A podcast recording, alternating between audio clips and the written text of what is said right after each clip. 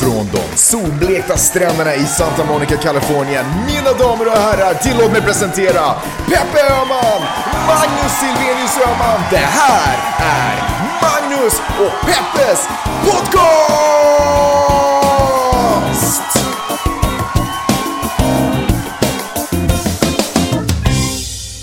Hjärtligt välkomna ska ni vara till podcasten som heter Magnus och Peppes podcast.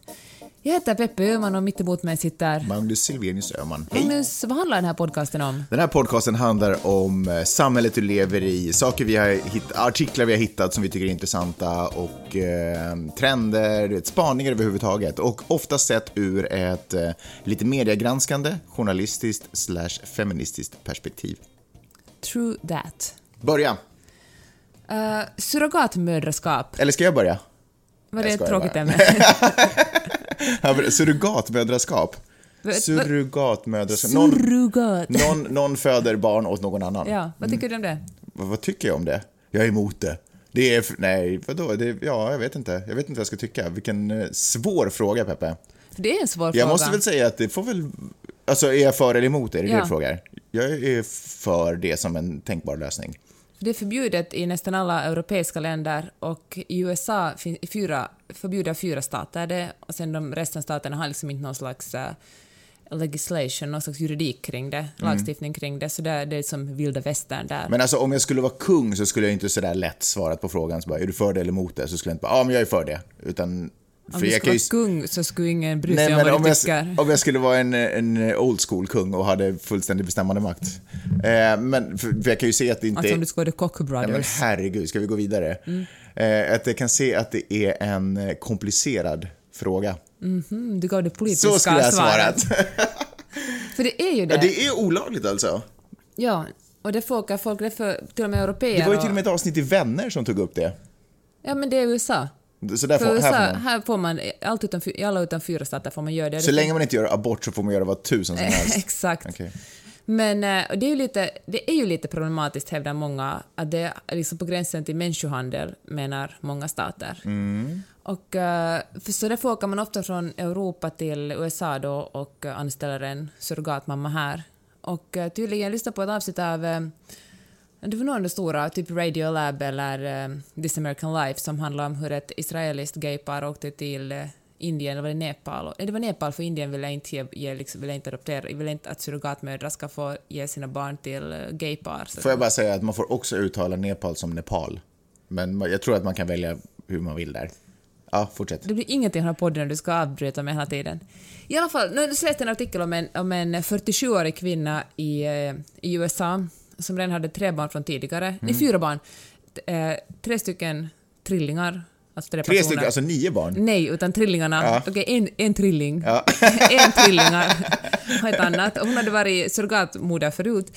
Och så var det en döv snubbe som ännu levde med sina föräldrar som ville ha ett barn. Ja. Och eh, så kom de överens om att han skulle betala henne en viss summa för att hon skulle då föda hans barn. Och då undrar jag, vad- har du någon uppfattning om hur mycket det kostar det här? Hur mycket tror du han betalar Oj, henne? shit. Ehm. Eh, nej, jag chansar på 20 000 dollar. Ja, inte så illa, 30 000. Är det sant? 30 000 ja. ja. det är väl ungefär vad ett barn är värt har jag känt. Och så, och så plus att eh, om, om det skulle bli fler barn så skulle hon få en bonus på 6 000. Mhm. Och ofta när man gör inseminerar folk så slänger man in liksom en hel del ägg för säkerhets skull. Liksom. Mm. Och det var därför det var en kalifornisk kvinna som födde åttlingar här för 2009, 2008, 2009. Herregud. För då de dragit in, en och samma vagina. Ja, de hade dragit in Jesus. 12 stycken ägg då och åtta av dem hade verkligen blivit bebisar. Och nu blev den här kvinnan i alla fall gravid med triplets igen, andra, hennes andra, hennes andra vad heter det, trillinggraviditet. hennes andra sats, kan man säga. Mm, kanske. Och eh, han, ville, han tyckte att det var för, den här döva snubben tyckte att det var för avancerat att vara ensamstående och ha, triplets. Mm. Så han tyckte att hon skulle abortera bort åtminstone ett av dem och hon tyckte nej och så blev det en juridisk härva av det Mm, hela. för han hade liksom förbundit sig till att ändå ta alla. Nej men precis, eller ta allt, allt som kommer ut Ja, liksom. just det. Och uh, jag tycker det är superintressant för de här, och det, det är som man diskuterar ofta, man diskuterar den här surrogatmödraskapen, där det är inte helt ovanligt att de här mammorna, hon vill ju såklart inte ab abortera bort ett av barnen i henne, och så problemet är att mammorna ofta för hon har ett kemiskt förhållande med det som är i hennes mage? Ja, hon vill liksom att det ska leva. Mm. Och uh, ja, jag tycker bara det är otroligt spännande, för jag kommer jag läste bok av, av Kajsa Ekis Ekman som heter Varan och varat som handlar om, mest om prostitution. Hon skrev också ett kapitel där om surrogatmödraskap och hon sa att det, liksom, det är ungefär som att ha slavar, eller det är liksom att verkligen köpa någon annans kropp. Det är mm. inte okej okay att använda ja, kvinnokroppen som precis, maskin för att göra barn. Det är där jag tycker kanske att om, om det ska existera, då måste det ju vara en affärsupp gör, det måste ju vara superreglerat. Det kan ju inte bara gå på feeling att nu vill jag att det ska gå till så här.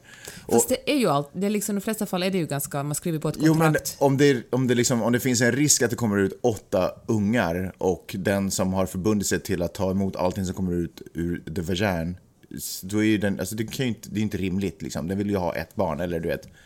Eller jag, tänker hade... kanske på det, jag tänker kanske på det andra sättet, att använda kvinnor som på något sätt äh, gravidmaskiner. Jo. är det som är lite konstigt i det hela. Det är också konstigt i det hela. Eh, men det konstiga är ju att man tar en, eh, en biologiskt ganska känslomässigt laddad och kapitaliserar den på något mm. sätt. Jag tror att det är väldigt, jag tror inte det är riktigt... Sen kan jag föreställa mig att det är annorlunda också går, men... i eh, USA i och för sig finns det jättestora inkomst och klasskillnader här också. Den här mamman i den här artikeln jag läste, hon sa att hon gjorde det bara för pengarna, för hon var, tyckte att det skulle vara... Och så hon har gjort det förut, eller? Ja gjorde det 2013 och ville hon göra det igen för att hon tycker det skulle sitta bra med 30 000. Mm. När man talar om Nepal så är det ofta massa fattiga kvinnor som verkligen livnär sig, eller de, de får mycket mindre pengar. Den här podcasten jag lyssnade på, jag tror de fick 6 000 dollar eller något sånt. Mm. Och, vilket är otroligt mycket pengar där, men så måste de typ betala hälften av de här pengarna till det här huset där de alla samlades för att bära de här barnen och, och, och liksom föda dem. Det var liksom allt skedde av en organisation.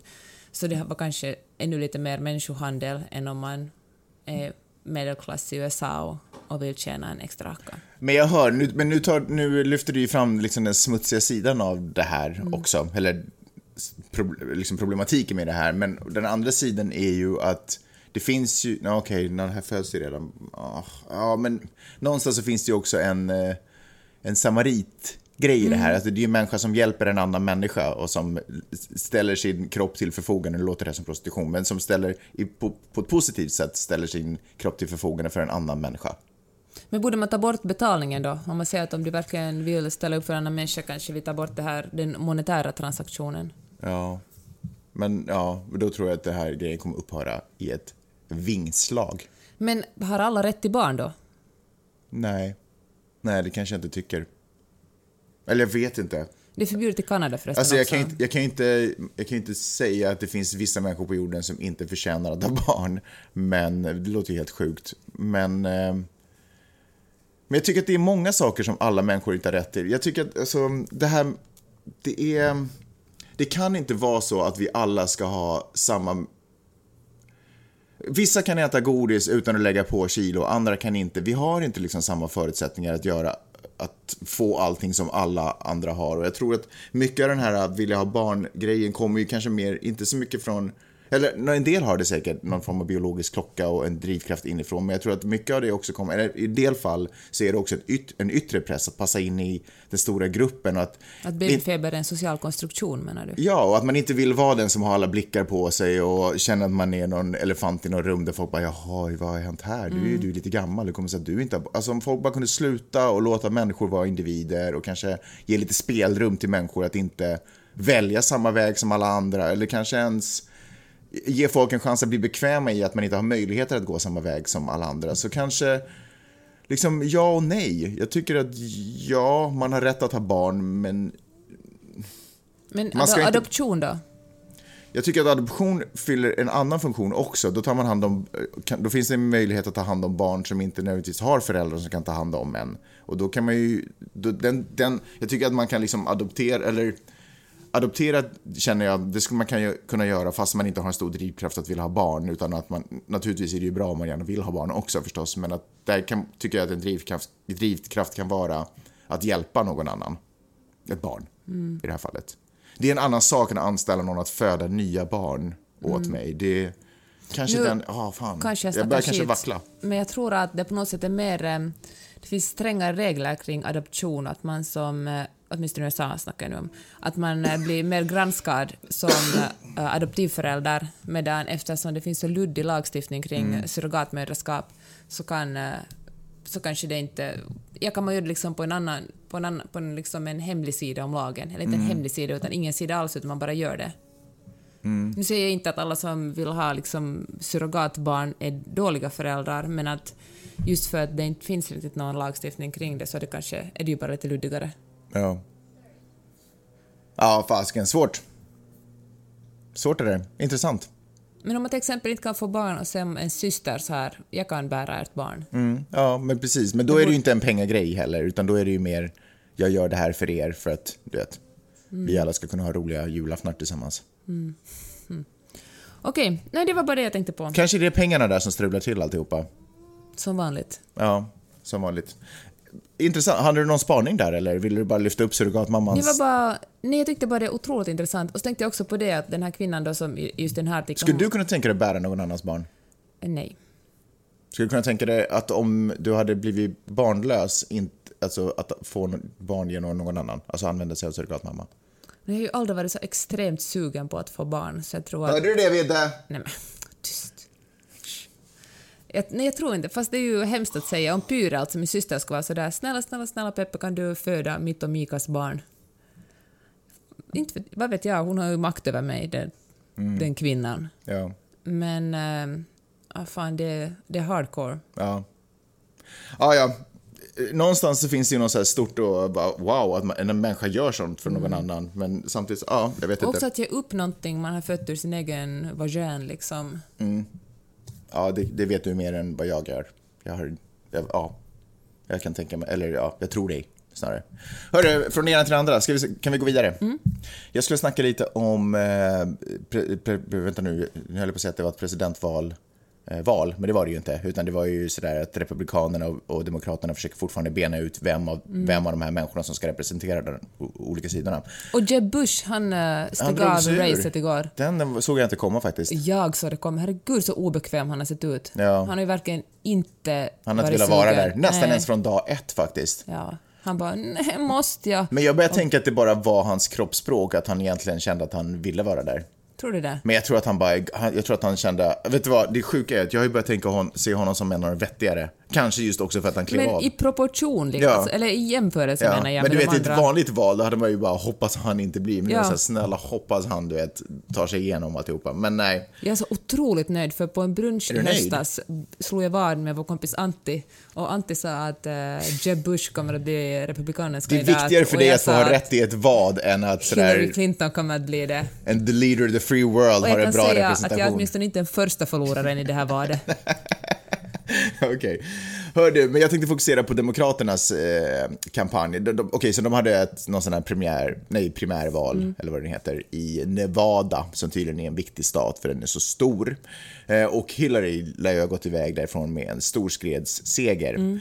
Och det som var tydligen en av anledningarna till att hon vann det där var för att hon lyckades få tillbaka alla de så kallade svarta rösterna som hon egentligen hade förlorat i och med Obama, som tog dem alla av henne. Eh, så från att ha i det valet fått kanske 20 procent av de svarta rösterna så fick hon nu gentemot eh, Sanders fick hon över 70 procent av, Jaha. av de eh, svarta rösterna. Så det lär ska vara en stor anledning. Och en stor anledning till att hon fick de svarta rösterna var för att hon eh, det finns en sån här strategi tydligen då, när jag läste, jag tror att det här var i New York Times, artikeln finns säkert uppe på Flipboard så ni går in där och kollar.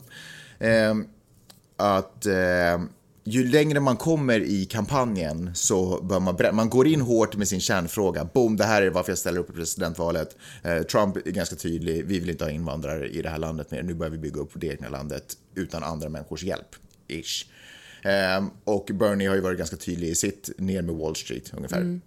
Jag kommer inte ihåg egentligen vad, vad Hillarys var i början, men, men det här är tydligen strategin. Man går in hårt med en, en fråga och han, eftersom eh, valet, eller processen fortsätter så börjar man bredda sig lite och skjuta in andra grejer och nischa sig, och, eller eh, vidgar sig snarare egentligen. Visa att man har större frågor, att man inte bara är en envals... One Enfråge, trick pony. Ja, precis. En frågeskandidat. Så. Eh, så det hon gjorde då alltså var att hon, eh, hon börjar fokusera på, eller inför den här grejen när hon gjorde sin eh, kampanj där i Nevada och försökte locka de här rösterna innan valet så, så fokuserade hon på att försöka hon ville att folk skulle veta att hon är där för att bryta ner barriärer som gör att eh, svarta och latinos, inte har, eller hispanic, inte har samma möjligheter att nå högre positioner och få bra jobb och sådana saker. Så de frågorna tänker hon jobba på. Bernie Sanders höll kvar vid sin grej som han alltid har gjort, att han han anser att roten till allt det onda i USA kommer från alla pengar som skickas in i Wall Street och mm. all den makt som Wall Street besitter över regering och du vet, mm. människor. Så han, han höll fortfarande, han sa det han alltid hade sagt, nämligen vi ska ta bort pengarna från Wall Street och ge dem tillbaka till folket ungefär. Eh, och det här föll underligt nog, in, eller underligt eller inte, men det här föll inte i god ton med, röst, med de som skulle rösta, utan de tyckte att det här som Hillary sa, den här lilla justeringen, mm. ska jag säga, finpoleringen av hennes budskap, föll i mycket bättre ton. Vilket får mig att eh, tänka så här, eller då slog det mig någonstans, eller jag tänkte den här tanken, att eh, hur djupt politiskt engagerade vi ändå är, eller måna om att vi själva ska ha det bra, så om du inte kan underhålla mig så tänker inte jag gå din väg.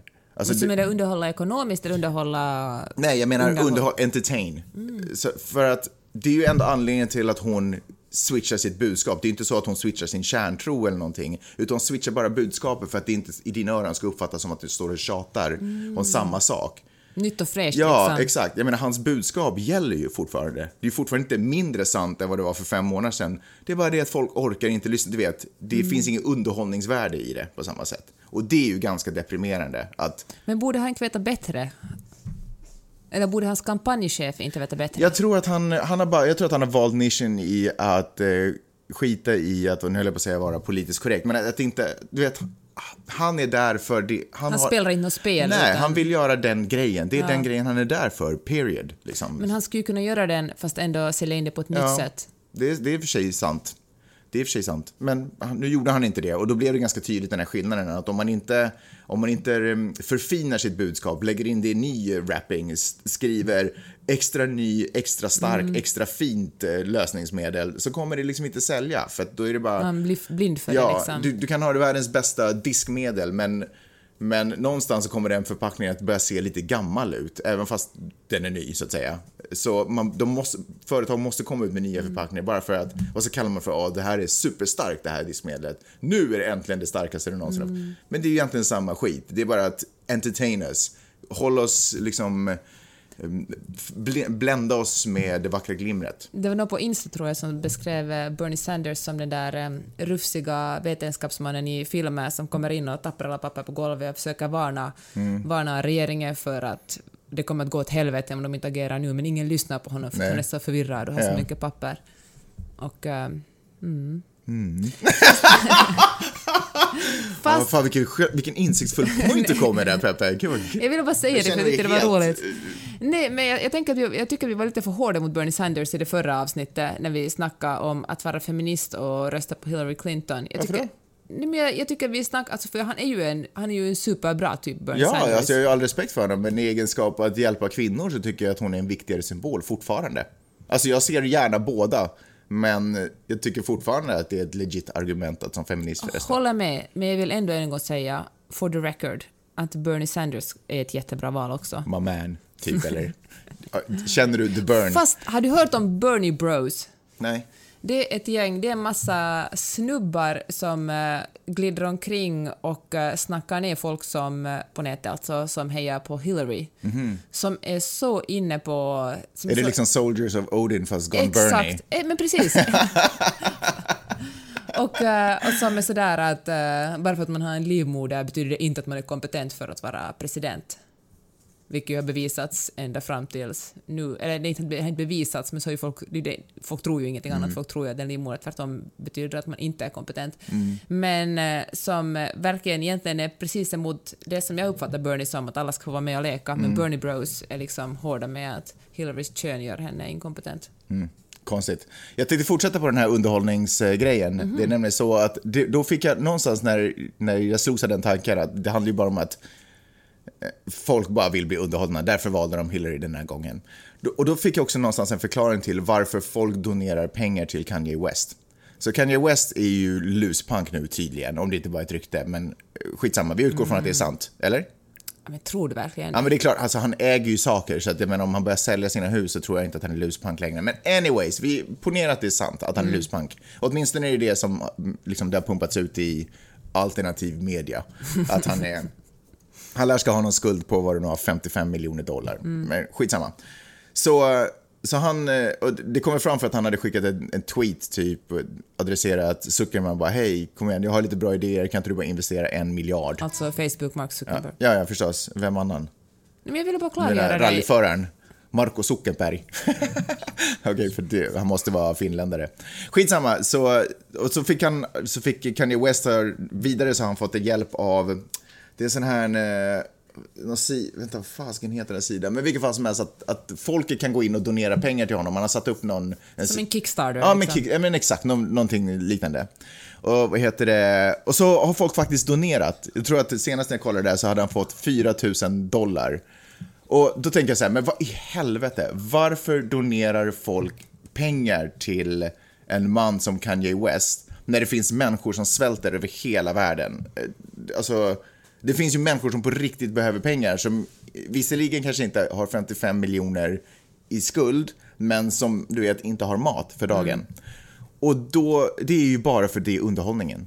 Det är ju det vi hellre, vi tar ju hellre underhållningen än vi tar det här, för vi vet att det finns folk som svälter, vi vet, vi orkar inte med det där tjatet liksom någonstans. Så det, det är mycket roligare att spendera, att kasta 1000 dollar till, eller 500, vad fan folk nu, vad är meddonationen till honom, till en snubbe som Kanye West, för det finns ett underhållningsvärde där. Kanske det. Jag läste någonstans att han är deprimerad. Det skulle jag också vara om jag var 55 miljoner back. Ja, men du ska ha en fru som har tre gånger så mycket. Jag menar, hon kan ju bara betala bort. Det skulle Hon- bli en check idag. Hon och han kanske inte har samma relation som du och jag. Där du bailar ut mig från alla kreditskulder och allt knas. Ja, det var det jag hade. Vad tycker du om den tanken då? Jag tycker att det är en... eh, Alltså, super, alltså jag håller med om den spaningen. Bra spaning. Är det inte därför populismen funkar? Därför Ja. att det finns ett underhållningsvärde i det. Och, och det, det bryter mot det här äh, tjatet som oftast är rubriceringen på ett återkommande liksom, budskap. Städa, snälla hjälp mig att städa, snälla plocka upp kalsongerna, snälla plocka... Det är ju inte liksom ett... Det blir ju ett tjat när jag inte tycker att det är roligt att lyssna på det. Du vill att jag ska göra det mer underhållande. Note to self, precis. Kanske du bara kommer in med en... På hoverboarden. Exakt. Tänk att vi har en hoverboard. Den ska förresten kanske återkallas. De har någon huge malfunction. Så de kan börja brinna när som helst. Mm, tydligen. Får se till att man inte står på den bara. Medan Ja. den brinner. Den får inte vara i vårt sovrum på natten i alla fall. För att det är bättre om allting annat brinner ner och inte i vårt sovrum. Nå, inte vi Men tror inte, att vi, med. tror inte vi märker det bättre om det börjar i vårt sovrum? Ja, vi lägger den under eh, det där brandalarmet Ja, varje kväll. Det låter bra. I alla fall, det var någon, det är min andra källa, jag sitter i Instagram, kollar Twitter. Någon skrev på, på Twitter att, att uh, hen har inte varit lika, var lika besatt av en TV-serie, en TV-serie sen, eh, sen Breaking Bad som den är på de här presidentdebatterna, eller presidentkandidatsdebatterna, Mm. för det är verkligen sån underhållning. Ja. Och eh, då tänkte jag att det finns två stycken... Men alltså, förlåt, men alltså, republikan... På sätt, och vis, på sätt och vis också Demokraterna, men Republikanernas lineup känns ju castad. De är ju helt, de har ju alla sina karaktärer i en tv-serie.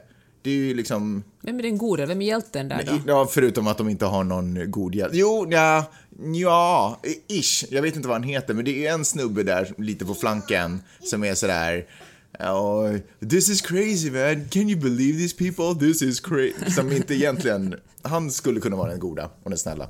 Men det är inte egenskap av hjälte. Okej, förlåt, säg. Du hade hört någonting på Instagram. Åh, Twitter, Magnus. Twitter. Men i alla fall, det ska tala om var att det finns två stora genrer av drama som man har följt med de senaste månaderna här i eh, USA, eller kanske hela världen till och med, och det ena är ju det här presidentkandidatsdebatt, mm. valet, eller Cirkusen. debatterna. Och det andra är true crime-genren. Det som började för, är det för förra året med, med Serial och eh, så kom den här eh, The Jinx. Får jag bara berätta en sak? Serial var den första podcast som drog, jag tror jag var... Herregud så du avbryter mig hela tiden. förlåt, okej. Nå, säg då. Nej, nej, nej. F- f- f- Nej, men det, det, det, tack, vare Som det gick bra för. tack vare podcasten Serial så går det bra för alla poddar nu för tiden. Okej. Och, eh, och nu den senaste månaden har man ju kollat på ett Making a Murderer och två American Crime Story O.J. Simpson. Det var de två stora. Och det som jag tycker är superintressant med de här är att Making the Murderer, jag utgår för att ni alla har sett dem. Making the Murderer är det en eh, vit snubbe, superarbetarklass vit snubbe, som uppenbarligen blir framad, alltså han är ju inte skyldig. Han verkar ju vara ett, ett det, det verkar inte gå så bra för honom annars heller inte, men åtminstone först blir han, fri, först blir han anklagad för någonting, sitter 15-18 år i fängelse, släppt ut, så är han ute något år och sen blir han igen eh, anklagad för mord. Och uh, eh, O.J. Simpson... Och döms. Och döms, ja precis. Och uh, O.J. Simpson, en svart uh, fotbollsstjärna som superberömd, ganska tydligt att han är skyldig.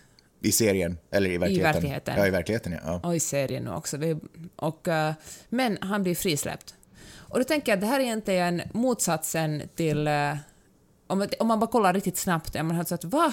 Vit snubbe blir oskyldigt dömd, svart snubbe som uppenbarligen har gjort, begått brottet blir frisläppt. Det är liksom mot allt som eh, USA, man vanligtvis föreställer sig i USA. Här liksom räcker det med att man, att man är svartfödd bli ihjälskjuten för att man bara per definition begår brott enligt polisen. Men, eh, men i det här fallet handlar det också, visar det också hur mycket USA... Hashtag Black Lives Matter. I det här fallet handlar det också om hur kapitalistiskt USA är, för det handlar ju verkligen om den som har mycket pengar och den som är populärast i klassen kommer att klara sig. För det som eh, den här, eh, fan jag kommer inte ihåg vad den här vita snubben hette som blev anklagad i Making a Murderer. Han hade ju verkligen noll pengar. Han försökte få kompensation för de åren han satt i fängelse. För, och det var väl det som enligt dokumentären var liksom fröet till att han blev framad. Precis, för, för mord. Och, uh, men eftersom han inte hade någon möjlighet att betala tillräckligt mycket för att få överklaga de här domarna så sitter han ruttna bort i fängelse medan, medan O.J. Simpson hur mycket pengar som helst, kompis med The Kardashians och liksom uh, massa andra kändisar såklart, han uh, kunde bara köpa sig fri. Mm. Och då tänker jag, det här är ju det här är ju verkligen intersektionalitet. Att det handlar inte, mycket handlar såklart om hudfärg. Men det vad, finns vad var det för någonting? Intersektionalitet. Att intersektionalitet, vad är det för något? Det är ett exempel när jag tjatar om feminism så allt handlar inte bara om kvinnor och män utan det handlar också om vilken hudfärg vi har, vilken klass vi kommer från, vilken utbildning vi har. Och, eh, eller vilken, till exempel vilken sexualitet, sexualitet man har. Är man heterosexuell, homosexuell eller är man trans eller cis eller vad man är. Och jag tycker att det här O.J. Simpson och, och Making a Murderer-fallet är ett så tydligt exempel på att, eh, att hudfärg betyder supermycket i USA, men klass och pengar betyder ännu mer. Mm. Vad tycker du om den spaningen? Nej, men det, den kändes, kändes korrekt. Jag, jag, jag, tror att det finns ett visst... Eh, ja, nej men precis. Rasism är ju också en anledning till att han blev frikänd, O.J. Simpson. Eh, han lyckades ju få en advokat som var specialiserad på just det och det faktum är att polisen var lite för eager att sätta fast en svart man är ju också lätt att, kanske om man har massa pengar, att köpa sig fri ifrån.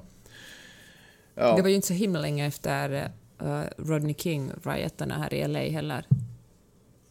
Så rasism fanns ju på allas läppar menar du? Ja, kanske. Var det så? Det var, var det så? Var det i faggorna?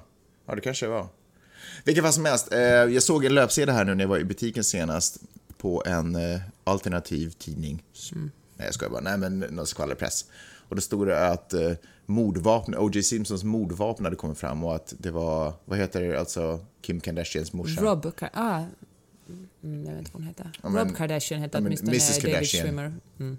Tänker vi. Hon som blev ihop med Jenny. Eller, ja ah, skitsamma, ni vet vem jag menar. Eller vad heter, alltså... Jenner. Jenner, ja just det. Anywho, att, um, att hon hade gömt den. Hon hade haft den. Mm -hmm. Det låter ju helt science fiction. Du kan man, va? Och för det första, hur kan det komma fram sådär bara casually på en eh, första sida? Men du kanske inte ska tro på allt du läser, Magnus. Mm, kanske. Har vi någonting annat att prata om? Om inte annat så får jag säga en, en liten bara notis okay. som jag tänkte på. Eh, I USA här så var det ju för ett tag sedan, fotbollslaget Redskins fick jättemycket skit för att de heter Redskins. Så det är inte liksom, vi lever inte i en tidsålder när man pratar om eh, ursprungsbefolkningen i USA som rödskinn. Liksom, så. Ehm, och eh, snubblade på ett videoklipp som eh, nyhetsbyrån, kan man kalla dem för det, Kit, hade lagt upp. Det skickade egentligen i ett nyhetsmail. Jag kan rekommendera det verkligen. Det är bra läsning allt som oftast. Ehm, som handlade om ehm, samerna. Eh, hur de, vet, de berättade hur de upplever sig bli behandlade, hur folk ser på det. Tjatade lite där kan man kanske tycka. Om Jag man... måste säga det är inte så himla länge sedan man på finsk TV nu målade samer som fyllon med liksom, som, har, Va? Som har tappat, vet du, som de hade målat tänderna lite svarta och Är det som sant? ragglade omkring och sjöng När du, säger inte, när du säger inte så länge sen, vad, vad menar du? Under din uppväxt? Liksom? Under ditt Under liv? min, under, ja, ja, under min uppväxt, absolut. Är Det det är, ju liksom humor i Finland. Va? Det tror jag inte jag har sett i Sverige någonsin. Så länge jag har levt i alla fall. Ni är så PK. Nej, men ni är lite mer primitiva där. Än i, där borta i Österlandet. Nej, men strunt samma. men vadå, men på finsk TV gör man ju blackface, gjorde man senast i julas blackface på det stämmer. en av de största kanalerna. Det så i det är alla inte fall, så konstigt. det jag i alla fall skulle säga var att vi har tydligen vår egen... Vi sku- skulle potentiellt kunna ha vår egen Redskins-debatt. Det är nämligen så att kalla en same för en lapp är ju inte en eh, komplimang. Det är, ju, det är ju lite av ett öknamn, skulle man kunna säga. Och samerna själva, om jag förstod det hela rätt, uppskattar inte alls det. Eh, och det, då tycker jag då ska man respektera det. Och så tittar jag på Sveriges karta och så står, det finns ett stort område som heter Lappland. Och det är ju inte, det kan ju omöjligt vara okej. För det är ju alltså öknamnet på samernas. Det borde ju heta Sameland som i och för sig är någonting annat, som är ett område som sträcker sig, som sträcker sig mellan Norge, alltså Sameland, fan, alla vet vad det är. Inte jag, vad är Sameland? Alltså det är en del av Lappland. Nej, Sameland, Sameland är inget eh, område som liksom är... Eh, det är inget län eller landskap eller något sånt, utan det är det området där de naturligt har rört sig, där samer naturligt lever och har sina liv. Liksom. Kan inte samer leva naturligt i Stockholm till exempel? Nej, men deras ursprungsmark, deras... Nej, fast de kan, vill ju... Det här är ju det som hände faktiskt. När, när samerna blev av med sitt land för att någon sprättig kung med fjäder i hatten red upp och ringade in området som Sverige, så splittrades, då liksom man kidnappade, man delade familjer och spred ut dem över hela landet. För att man, inte fan vet jag varför man gjorde det. Folk var ju sjuka på den tiden. Så att det, bor ju, alltså det bor ju samer över hela Sverige, men inte nödvändigtvis för att de ursprungligen ville bo där. Nu kanske de du vet, har sina liv där för att det har gått en generation, men anywho's. Så Sameland är alltså det område som de har använt som betesmärke för sina renar och du vet, levt och vad man nu har gjort. Du vet, det har varit deras område. Eh, men sen så har vi, sen så har liksom när Sverige på något sätt blev Sverige, tänker jag mig nu, okej, ni hör ju att jag uppenbarligen inte vet alls vad jag snackar om, men då har man rutat in ett område som man har börjat kalla för Lappland. Och det är inte samma sak som Sameland, utan det är ett geografiskt område i Sverige som vi, du vet, med sin egen ekonomi och, ja, men du vet, du vet, nej men inte egen ekonomi, vad fan, nu börjar jag snurra in med konstiga grejer. Eget men, parlament. nej men, ett landskap liksom. Jesus. Min point är i alla fall att vi kan inte ha ett område, ett geografiskt område i Sverige som heter Lappland. Det måste ju heta Sameland. Skriv ett brev till kungen. Men du, du känner inte, vadå? Ja, det är håller med dig. Jag ville bara säga 2016, det. om, vi, om det nu har uppenbarats, eller liksom, om man nu har vetat om länge att samer inte ska kallas för lappar, då kan man ju inte ha ett landskap i Sverige som heter Nej, Lappland. Det om. ska ju heta Sameland, måste det göra. Och även fast det området inte motsvarar det ursprungliga riktiga Sameland, så måste man åtminstone vara så pass skön att man inte har ett landskap. Det är som om man skulle ha ett, en, en Som Eira skulle heta Hurriland. Ja, men en stad utanför eh, Stockholm som heter Negerkulla. Alltså, det, Nej, men men- man, man får inte ha sånt. Och det är samma sak med Lappland. Det är exakt vad det är. Det är just det vad vi kallade samerna. Lappar. Hajar du? Jag. Kort sak innan vi slutar. Berätta, innan vi är slut. Innan vi är Sorry. slut. Har du, eh, det som vi talade om senaste gången och talat flera gånger tidigare om de här människorna som är rädda för att bli brännmärkta och kallade rasister för att de säger i det här landet får man inte längre säga någonting. Brännmärkt? Blir kall- vadå? Ni kommer inte ihåg, vi talade om den där eh, kolumnen av eh, Paolo Lillrank där han sa att nu för tiden får man inte säga någonting i det här landet för då kommer Aha, okej. feministerna och brännmärkar en och det är som att man blir kallad, det är som om häxjakten förr i tiden. Att man, Mm. Var det han som lät sig tysta så pass mycket att han skrev en insändare i huset sen? Ja, och en till sen nu tror jag faktiskt. Just det, stackars. Ja. Inte har någon plattform. De verkar då- jobbiga de här munkavlarna. Nej, Men exakt det, jag tänker, då är den här, eh, då har jag en, en annan snubbe som jag sen bråkar med på, eller bråkar, bråkar, diskuterar med på Twitter, Mikael Sjövall. Han har också skrivit en insändare om det han menar att det läggs munkavle på dem som vill diskutera Man kan inte skriva en insändare och klaga på att man är belagd med munkavel. Det går inte ihop. Nej. Men då tänker jag så här att om man ser den här liksom andra sidan då, feministerna och den här PK-eliten, klagar de på att de inte får eh, säga vad de tycker? Eller är det liksom... För det känns som det är alltid de som vill vara på något sätt lite invandringskritiska eller konservativa, är de Mm. som säger att, att eh, i det här landet får man inte mera säga vad man tycker. Och de de liksom tillbringar mer tid om att tala om hur synd det är om dem för att de... Och deras det läggs yttrandefrihet. Ja, men Ja. precis. Det läggs munkavle på dem och de inte... Ja, precis, yttrandefriheten än om att egentligen, än vad de egentligen vill tala om. Mm. De har liksom bara nuddar vid det här, det är så att vi måste tala om invandringen. Mm. Men istället för att tala om invandringen pratar de om hur de inte får tala om invandringen. Ja. Och man bara, men skriv en insändare om vad du på riktigt tycker om asylsökande. Skriv inte en insändare om om du inte får tycka vad du tycker om Mm. Att det är problematiskt att du egentligen inte får skriva insändare, fast du uppenbarligen gör det. Ja, eller till och med, och inte bara insändare, utan krönikor och liksom långa Facebook-inlägg och liksom tagga in en massa andra människor. Det är liksom, ofta är de här människorna sådana som har ganska, en ganska stor plattform att Mm. stå på och höras, men istället väljer de att tala om de här munkavlarna. Jag tror att det handlar om att man inte har någon sjukdomsinsikt, att man, inte förstår, att man ser sig själv som den lilla människan som kämpar i underläge hela tiden och man förstår inte vilken position man egentligen befinner sig på. E- Egenskap av man, egenskap av vart man har kommit i karriären, egenskap av liksom utrymmet man får, ja, tack vare vart man har kommit i karriär, karriären, utrymmet man får på olika plattformar. Jag tror absolut Så ser man sig själv som den här lilla pojken som man kanske en gång var när man gick i småskolan och var rädd för de stora. Och jag tror det också handlar om att män i den här åldern, är, ska vi säga 50 plus, de, är, de har vuxit upp i ett eh, samhälle... Jag är ganska säker på att när vi var 30 då var det 40 plus, men, men bekvämt nog så skjuter vi lite Jag på är den faktiskt där. inte ännu f- 40 plus. Nej, men jag tror att du säger plus 50 för bara få mig att känna mig lite bättre. Men, ja, men de liksom har vuxit upp i ett samhälle där internet ännu inte har funnits aktivt. Och nu plötsligt, de har liksom varit... Mm. Vilket gör att de inte heller är vana att bli motsagda. men det var jag som skulle säga det. Aha, förlåt. Ja, att de, har liksom, de har varit den vita mannen som har fått säga vad de tycker utan och liksom automatiskt haft en auktoritet. Mm. Och nu plötsligt så glider de in på Twitter och, och till och med på Facebook och bloggar. Och så finns det en massa andra människor, en massa yngre människor och till och med kvinnor som har enormt mycket fler följare och som säger emot dem. Och jag tror att det på något sätt är kränkande bara i sig. För att Mm. Ja. han, jag tror liksom att det att en svår Så grej med privilegium är det att inse att man verkligen har ett privilegium. Ja. Så hela den här grejen med att jag- jag är belagd med munkavel, egentligen är det bara ett desperat uttryck för att jag har inte lika många följare som du har. Nej, precis. Och faktum är Eller att... alla det- lyssnar inte bara på mig, Ja, och var det framförallt när folk, när eh, folk, eller de där specifika snubbarna klagar på att, eller beklagar sig över att de är belagda med munkavel, så är det ju egentligen bara att sådär sluta säga emot mig argument på något sätt. Precis. Låter det som. Kan inte göra det så att alla tycker som jag. Och egentligen skulle man kanske kunna uppmuntra till att, för det är ju perfekt om de känner sig så pass engagerade och, och, och trygga i sin tro eller vad de nu vill ha, sin tanke och sin idé. Eh, Så det är fantastiskt att de har möjlighet att skriva insändare och jag tycker kanske att de ska fortsätta göra det. Men fortsätta också att fokusera på vad det är de egentligen vill säga snarare än att beklaga sig över att de är tystare, för det är de ju uppenbarligen inte. Och hemskt få människor i det här landet och speciellt hemskt få människor med rasistiska tankar och åsikter. Jag säger inte att, att Lill, Rank och Sjövall är rasister eller har rasistiska åsikter, men hemskt få som tenderar att vara rasistiska är ju tysta. Vi hör ju dem hela tiden överallt.